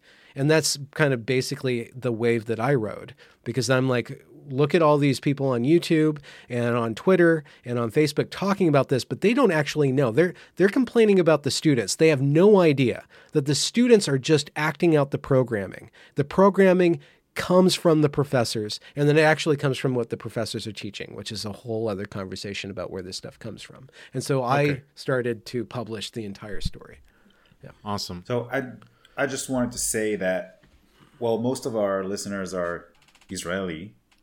So you might be surprised, Benjamin, but it wasn't also published in the Israeli media as well. Not not uh, as much as it should have been, and there is a good chance that that some of our listeners don't know, didn't saw the video, didn't see the videos, and if you're just listening to us talking about it, so you don't i think that you don't really understand what we're talking about i mean you, sh- you should stop here go see the videos see how intense it was and how crazy it was. And then once you see some of these videos and get the feel you can come back and, and hear the talk here. The All right, the yeah the the sense of the room like when i was in that canoe meeting and i was on camera and i grew up in the church. My dad's a pastor he's retired now but i grew up in churches. I've gone through a lot of different kinds of churches and i know the difference between the different sorts of worship spaces. And i was in the room and the hairs on the back of my neck were standing up. I'm like they are inventing a new religion. And the the sanctimony the air in the room you really have to experience just how how oppressive the atmosphere is and then how that leads into these very authoritarian forms of behavior. And then you have to see just how powerful those students were and how callow not callow but craven the administration was and bowed down to them um, and and that stuff is and I really do think that it scales. You you have that happening in knitting communities. You have that happening now at Disney and at Nike and all these major corporations. And it's it's jumping out of America too. And I think that's why you guys wanted to have me on because you are seeing this stuff infiltrate is, uh, Israeli society and and it's really this stuff is really American, but it can it can mutate. It's a virus. It will mutate and start to basically destroy any sort of standard, any sort of hierarchy. Call anybody in power exploitative, and basically uh, create a shadow hierarchy based on identity or performative uh, conformity to the script. All right. So you you answered it a little bit, or you you j- gave reference to some uh, uh, corporations, but I, I wanted to push back, and we we can go back and uh, and expand on what you just said. But all right, I we read or saw the Lord of the Flies, right? All right, anarchy, kids. Yeah. Get confused, and then there's cult behavior, Yeah. and they're doing stuff and, and all that. But these kids, they're doing bad stuff but get them on a ship, get them back uh, in in civilization. Yeah. uh, they'll be good. And you know, kids on campus are kids on campus are uh, have always done crazy stuff. Yeah. in the '60s, they were the the the engine behind protests that were right. Right, young people brought the change. Vietnam and all that. Yes, some of those were Armed took it too far. yeah, yeah, yeah. You know, the mustaches were just too extravagant. um, but but besides that, They had better Um, music than than what the kids. yeah, definitely, nowadays, definitely. Uh, but uh, at least they didn't have mullets back then. Uh, so, or or they did. I don't know. Uh, so, kids are kids. Yeah. And you know they'll get out of college. This is a natural Oh. thing. And and come on, Yeah. you're taking one college in Olympia, Washington. Yeah, very small. And come on, this yeah. get this is getting viral, and it's the echo chamber, right? yeah, yeah. And don't don't extrapolate it to the country. Come on, yeah, well, few few kids gone gone wild. Unfortunately, 2020 happened. Mm-hmm. And it was the same exact thing. The same exact thing. And so, uh, what I, what I tell people about what happened in 2020 George Floyd, uh, and then a bunch of protests, and then a bunch of more protests, and protests are still even happening down in Portland and uh, across America, where there's these uh, Black Lives Matter protests, and they're, they're protesting, protesting, and no, mostly peaceful burn build, uh, build building burnings and etc. like that. The problem isn't necessarily that that outburst that you see at the Evergreen State College, and this is what I try to do in my work reporting on that. It was that the what brought attention to it is the least problem. The, the flowering of this ideology. Yes, it's chaotic, but the young people, they run out of energy. They run out of energy, and these institutions, watch the institution, because what happened in the wake of the protest was that George Bridges used that instability and the all the fractioning that happened to implement an incredibly authoritarian regime. He shut down interdepartmental membos. He sh- he started running every college communication through the public rec or the public uh, the, the publicity department. Um, he starts to implement all of these administrative positions that you can complain to if if you don't feel safe, right? And then all now everybody has to walk on eggshells. If you misgender somebody, that's basically a hanging offense now. Like you, you're actually marginalizing somebody's existence for not remembering which neo pronoun they're using, and that they're changing from week to week even. And there is all the basically. So the 2020 riots go through, and then what happens is that this. And I'm really sorry. I want to be a liberal, but I just have a problem with the stability. I don't trust it anymore. But within liberal. Uh, parts of America this widespread adoption of the anti racist rhetoric and of all of these trainings. And then all of these companies start going through and start to enforce this new morality upon everybody. So I, my enemy isn't the students. My enemy is the ideology that comes through and uses the fear and instability that those roustabouts, if I'm using that word correctly, are affecting on the populace to then propose this new form of order that will change everything. We will now institute equity and erase this problem that you didn't know you had because it's all subconscious now. The civil rights era change was a very powerful moment in the American imagination. That was a moment where we started to make reconciliation with the racial problems in America. And we've done successive steps since then. And Jim Crow came and went and we've we've implemented Jim Crow if- were lu- rules. I'm sorry, I just need to get translate a little bit. Jim Crow were rules and laws, uh, mostly in the South, but correct me if not I only. think so. uh, that were discriminating. Uh, it was sophisticated, right? Only if your uh, grandparents were voting, then you can vote. But your grandparents were slaves, so they didn't vote.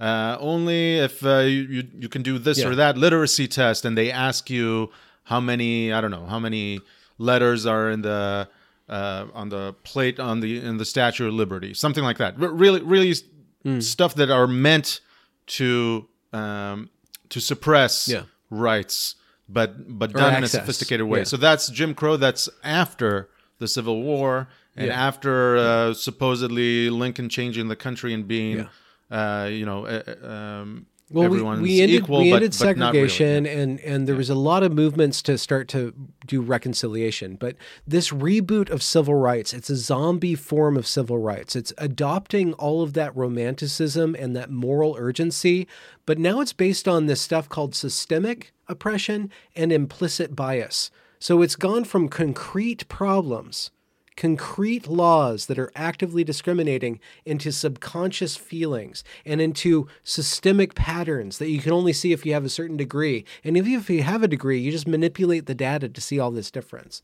But what you have to do then is adopt this entire moral framework that comes in the stead, that's responding to all this urgency that isn't really battened down to reality. And a lot of that behavior at Evergreen and then in 2020 was very youthful and it was unfettered from reality. It's it's based on this image of the world that doesn't actually add up to the world, and so the solutions that it proposes aren't concrete. And what you have is this bureaucratization of civil rights, of the moral authority of civil rights, and then the implementation of that into citizens. It's basically a religion that's mandated, that's now a state uh, mandated or company mandated religion.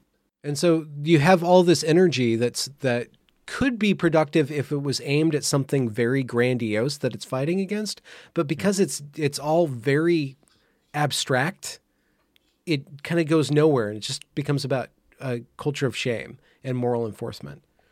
Okay, but but I think it goes further than that. I think again you'll agree. An example would be uh, something that I want to say before. I, I think 2020 put not just uh, was an example of evergreenization of the entire country, but also uh, now that movement or that mindset is wielding the institutions and wielding the political uh, apparatus to uh, to do some stuff in its agenda. One example would be that um, I need to dive in ex- to ex- the exact details, but the president Biden uh, gave um, uh, forgiveness for some loans for farmers that have disabilities, but they have to be people of color in order to get that uh, that waiver on on loans. So white disabled farmers don't get it. So I'm, this is anti-racism at that political governmental level, and I I don't want to use their language. This is systemic racism Yeah. right? Uh, and when people say this is reverse racism, I say there's no such thing reverse racism. There's just racism. Yeah. So, uh, all right. So Yeah. 2020 happened. Yeah, as you as it you did. as you said. Yeah. Okay. Um, um, There, there's also uh, uh, maybe you wanted to say a small thing that that you say, Shachar, that these are students now, some kids that went berserk, but some of these kids will be Hmm. then will graduate, they'll have their diploma, they'll go into uh, Other institutions. key roles, other ins- institutions. They'll be professors themselves. They'll teach the next generation and so on. And from the position of power, they can, they can implement uh, these agendas. So it's not, it doesn't stop there. It doesn't stop in college, and we can see that. I Yeah, think everywhere. yeah, right? and not just that. Again, we talked about this in the beginning. The students weren't the cause. They already they were indoctrinated into being the most energetic thing in the short term to promote it. It was the, f- the faculty is the problem. The president is the problem. And then in institutions, those those students. So, so first of all, that means it's been going for a while, going on for a while under the radar. We couldn't see it behind the curtain, under the radar, whatever, uh, however you want to phrase it. And uh, it it now has the power to wield the students, wield those institutions, wield that political apparatus. Um, okay, I, I, I got to say something. I don't know if it'll take us down a rabbit hole, but you know, 2015, 16, 17, you had those uh, individual cases of lunacy that were happening in campuses. There was one in, at Yale with uh, Christakis, uh, a professor. I'm not going to dive into the details. Some of them are referenced in previous episodes that we've done. Uh, and there were other stuff, you know, here and there, a college here, a co- Syracuse University. yeah. So a, a student here, uh, a, a college there, and then Evergreen.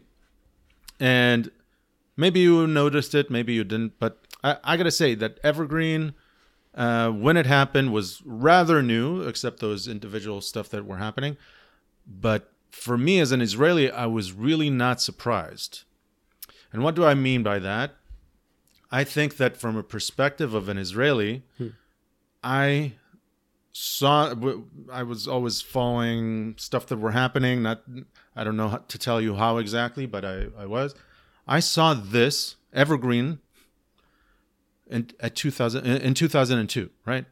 In 2001, 2006, 8, we saw that stuff that are happening that's irrational and anti-racist in a different uh, suit, right? Against me, against Israel. Not not me specifically. I, I didn't get uh, you know people yelling at me personally, but against Israel as you know as Nazi and as killing children and as uh, the, there's a thing that's called Apartheid Week. I think the first one was at 2002. uh, in Durban in South Africa. I think it's a UN sanctioned event, and it's basically fighting racism. But the event is about Israel. That's what it is about hating Israel, about how Israel shouldn't exist, about uh, all kinds of stuff like that. Now, I don't want to go to the uh, case for Israel argument and all that, but I'm saying everything there was crazy. I, I can disagree and I can argue with a lot of people, but but when it gets crazy, like Evergreen, then you say, all right, wha what do I do n- next? So so all that was happening not just in the U.S. In the UK, we see it in Europe a, a lot. We've seen that, and it's it's something that's that was brewing in Western society in general, and I've seen it take different forms throughout uh, uh, roughly two decades, and Evergreen was just another form of it. And you know, seeing the videos, it's crazy, and I'm I'm constantly surprised every time I see such things. But uh, I'm surprised about the specifics, not about the process that's going on here. Uh, so I don't know if you ever heard that angle, um, but um, Yeah. Well, yeah. I mean, I think like ultimately we, we're kind of just at a point in culture where there is some sort of resetting going on uh, with regards to updating the terms of our social contract, and it needs to happen um, probably either every generation or every other generation needs to do that and renew the foundations of you know what it is to be in a liberal democracy. Maybe even other forms of social uh, collectives need to kind of go through some sort of unrest period. And the challenging of power and then a reass- re- just a, a sorting out of assumptions. And it could be just a kind of healthy natural thing. My problem though is that there's this other layer to it when it gets corporatized and it gets implemented like I'm trying to point to with the critical race theory, like these theories that are popping up in these unrest, uh, these mo- moments of unrest, are now being co opted by actual power structures and being used to f- enforce conformity and then to suppress speech and to, to regulate conversation and therefore regulate imagination. And then there's this old culty, creepy thing too, where there's this this is American specific, but we've lost our religion in some way, and we have not replaced it. We have a vacuum. it's not here. American specific, Western specific. Yeah. Uh, I think Israel, in that sense, uh, is unique. It can be good and bad, but in Europe, they lost their religion even to a much greater extent than the U.S. Yeah, and, and the vacuum that we have in America, we have a very particular moral culture, like a Puritanism and a kind of a fundamentalism, and kind of a. We get very evangelical too. There's this strain that really needs a religious restraint on it. There's there's these forces in our culture that will create things. Will will create a religion if one's not uh, available. And I think that, or there's this need for it in our society. That's kind of how we are. It's in our DNA. And so we're we're looking we're we're going through that. A lot of people are just kind of you know, some people call it a meaning crisis. We're in a meaning crisis, and this is one way of gaining meaning. All these social justice stuff. Um, but, but again, you need to look at the analysis on different levels. It's one thing when it's happening organically. It's another thing when it's happening within just like the culture at large, and then it's another thing when the corporations are co-opting it and then starting to bear down in a very fascistic manner on people. Yeah. Um, all right. So just revisiting what I mentioned before, and I think it's it's going to be uh, close to to finish here. uh, about the fact that you were a student and you said, uh, "All right, I'll just do my thing. Let the crazies be crazy. Oh yeah. I'll do my thing, um, and I'll I'll be out of here." And I I pointed that out as important, and I think that you see it. I said evergreenization of society, so you have it across the country, across Western countries, in my opinion. Well, there's nowhere to go now. You can't just Yeah, like get so- to it. exactly exactly so but but that is really easy tempting and you know what even uh um consequentialist uh move to say all right i i can do my thing i don't don't i, I won't get into a conflict I'll just do my thing put my head down grind through this uh whether it's uh, anti-racist training. They tell me I'm uh, privileged and I'm an oppressor. All right, all right, just say your stuff. Leave me alone. I'm going to get back to my cubicle. Or uh, I, I'm seeing it with my friends that their school for their very very young kids you know uh the it is pushed to doing stupid and racist and and and um dismantling stuff dismantling steps because there's one radical parent so the school doesn't want to appear racist. So uh, an example, you know, something that happened recently, and it's it sounds stupid, but it's not. We need to cancel Dr. Seuss in the school. These are very young kids.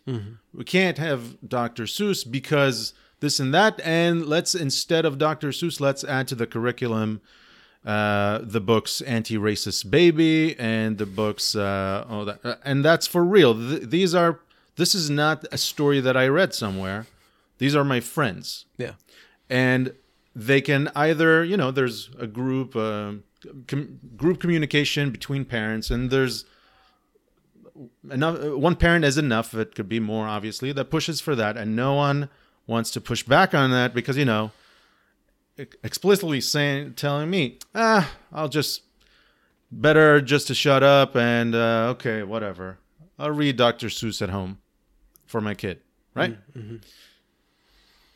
it's very hard to not say that that's the right move because what do I need it? I have, I have, I have other stuff to do. Do I need to get in a fight right now? uh, do I need to get my uh, entire history checked by activists and uh, I, don't, I don't know, they'll dox me to here or there? I, I don't know what the risk is, but why take the risk? Consequentialist uh, approach would be uh, let me go, get through it. It's fine and, and my point was before that you end up with your very young kid again this this is now me uh, taking it a few steps forward because I, do, I haven't had that experience with my personal friends. 10 years from now your kid is sitting at the dinner table and can't talk to you and you can talk cannot talk to them because they keep calling you a nazi. And and you lost them in some sense to the cult. So I, I think it's very important and actually Zohar and I had an argument about it. Hmm. I I say do not give ground to lunacy. Because this is institutional lunacy. That's how that's what it has become. If it were just crazies that are here and there and you encounter them, I would say yes, it's very tempting to not engage. But because it's coming for your institution and for your kids, uh, you can't give ground. Uh, what what do you think? This is a monologue. I'm, uh, what what do you think about that? Well, the more people stand up, the less it'll go. Um, but it's very adept at uh, empowering narcissistic sociopaths. it's very adept. It's a very uh, tempting route to power where you don't have to really do much except memorize a script and then you have power over everybody else. And you can even hmm. bring entire institutions to heel. This stuff is very, very dangerous and very One ring. very powerful. And there's no way for it to stop spreading until people call it out, question it, and disbelieve in it, actively disbelieve in it, openly disbelieve in it. It's not enough to just not believe in it because it, will start to spread the power. And and it's it's uncomfortable. It's really difficult. You actually have to train yourself on calling it out when you see it because it's masked in all these ways. It'll come into your little organization and you'll have somebody start to have you put your pronouns in your bio. What does that matter? What does it even matter if you say your pronouns what what does that even matter? But behind that, it's really weird. But behind that is in, this entire like, okay, now we can start to regulate your speech in all these other ways, and now we can start to dismantle the concept of male and female, which is actually a bad idea. You can't you can't lie about reality, And it's actually happening. and it's Actually actually, happening. happening. And uh, Zohar just uh, sent me uh, yesterday, medical a couple days ago. Not not just medical, yeah, medical schools. They don't, you know, gynecologists are learning uh, ridiculous stuff. But in the Olympics, they just admitted or, Yeah. or accepted a The weightlifter Yeah. who was male. You know, she's uh, at the prime of her uh, of her abilities at 43 years of years old. That's why she reached the Olympics, probably. You know, uh, not not related to anything else. The fact that she has uh, more bone density, more ma- Yeah, muscle, muscle mass, mass, or yeah. uh, Yeah. Anything. Uh, Let me let me have a short argument. Wait, in- wait! I, I just wanted to point out something because you said you you need to be actively uh, opposed to it. It almost sounds like you you are saying you Anti- can't be Oh. uh, not anti-racist. You either are Yep. anti anti-racist Yeah. or an anti-racist. It almost sounds like that. So here you are caught in and the be same- very very very very careful when you go that direction be very careful and look at look at your options but but keep your ear out and make friends and find wherever i, I don't think it's uh, healthy to be questioning everything all the time but whenever you enter into an environment where questions aren't allowed start questioning like your life depends on it. Like whenever you're in a situation and that's the stuff this is very very authoritarian very regulatory on human beings nature to be curious and joyful and human and loving to one another it regulates guilt and shame and takes over every other um, you know a part of, of human experience and regulates it according to guilt and shame and justice Yeah. All right, Zo, you wanted to say something. I cut you off. Yeah, I just wanted to say that. Um, well, my argument was not that I'm not uh, pushing against everything that I see. I pick Yeah, my yeah. battles, right? I pick my fights, and the sure. argument for that is uh, with our society and our world world today. I think it's very easy to label a person as you know a racist, a Nazi, a white supremacist, whatever. And I think that if I start battling from, I don't know, the first meeting I have with a person, then I might be labeled and I won't be heard at all. I mean, it will go through into one ear, out of, of out from the other, and that's it. But if the person knows me and he starts to see that I'm a, I'm rational, I think, um, not racist, and he knows me as a person, then it might have more impact. That's the reasoning. I think I have some friends that's that that I made an, a dent in their uh, don't know, Dogmatism, anti-racist yeah. shield. Okay, so uh, Zohar, I I'm not saying that in our argument, right, in our discussion about it, I'm not saying that you're wrong because you may be right. I'm just saying that I think that you're wrong. And uh, for me, it seems like it's not the right path, and I get it. And uh, I, I tried to think of a an analogous uh, description.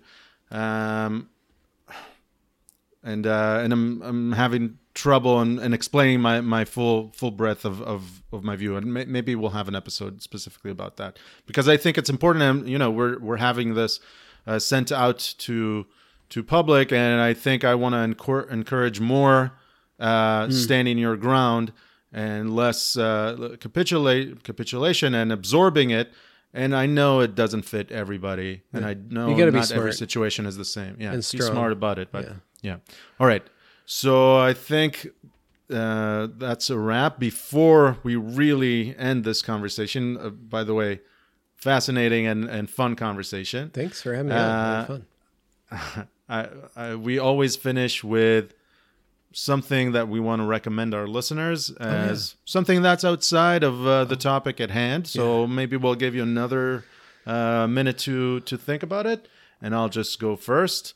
Uh, I want to recommend a book that I read a few years ago, and it took time for me to absorb it and really uh, understand what I'm reading. By the way, I didn't fully understand, but I uh, I kept thinking about that book, and it was on my mind.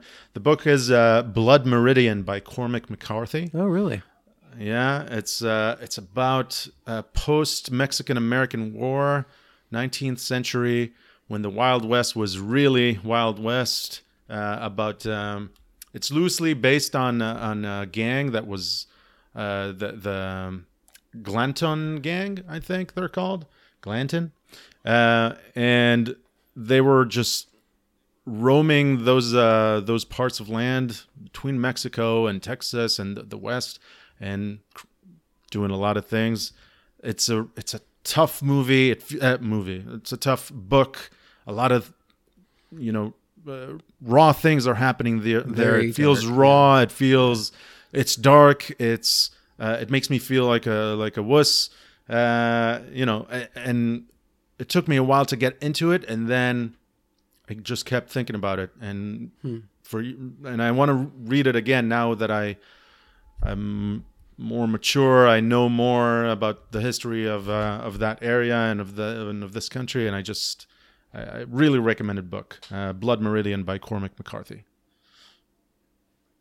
All right, I'll go next. Uh, I also wanted to recommend a book. I'm reading it in Hebrew, uh, but it's translated from English. It's called Apocalypse Never uh, by uh, Michael Schellenberg. Berger, sorry. So, uh, yeah, it's it's a book that I encountered through the after the the, the episode we had with uh, Professor Yoni Dubi about the climate change and everything. So I just started reading it, and it's fascinating and fun read. So recommended. Uh, there, can I recommend something too? Okay. Um, sure. There's these. Uh, there's this thing called a Kam- Kamado grill, and it, it's shaped like an egg. They they come really really big, and they're like a ceramic Yeah, yeah. Uh, smoker grill. I have a small one, and it's perfect. I have. Uh, it's just me and my partner, uh, my special lady friend. So it's perfect. I wouldn't recommend if you have a small family or it's just living alone to get one of the big ones, but a small one is excellent. And I've uh, I've had it for a year now, and I'm really into smoking. I have uh, all these different recipes that I've been exploring. I cre- I created this um, this most excellent ribeye wagyu steak and I smoked it. You're not supposed to do that, and I smoked it like really slow and slow with some cherry wood, and I had it in a uh, just a dry rub with um with salt and some MSG and pepper, and oh my god, it was so glorious.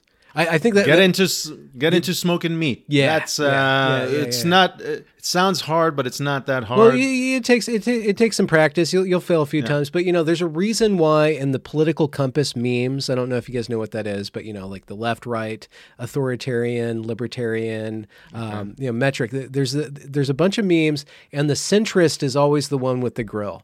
The there's something about knowing how to make a perfect steak that brings you down to earth and shows you your human proportions and and you know as a god created creature on this world like that there's very natural processes that bring you down to earth and make you know what what is what and how to be a good person so so instead of breaking bread together, we're or breaking bad together. smoking, smoking, smoking steak together. smoking right. steaks yeah All right. thanks for having me on guys Benjamin Boyce, it's been a pleasure. Uh, tips, not tips, uh, links, everything will be in the description. Follow you on YouTube and Oh, wherever you and want, Twitter, Twitter. Benjamin A. Boyce, and my YouTube, uh, my my podcast is Boyce of Reason, and there's just interviews with tons and tons of people. They're all in English, just to let you know. yeah, yeah, very interesting uh, uh, conversations that you're having there. It's great to follow and great hosting you. And uh, till next time. Excellent. That was a Thank pleasure.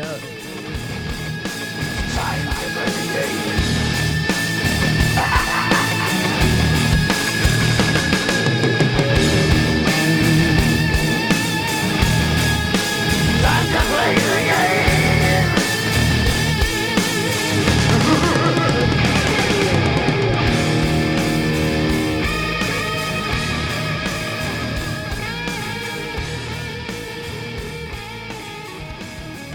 If you enjoyed this episode, don't forget to subscribe and rate this podcast. Also, share it with your friends so they can listen and enjoy too and give their feedback. We're open to any comment, any feedback, any suggestions on our email, on our website, comments on YouTube. You can also subscribe to our Telegram channel or follow us on Twitter. Any way you want to contact us is linked in the description. Thank you for listening. Until next time, bye bye.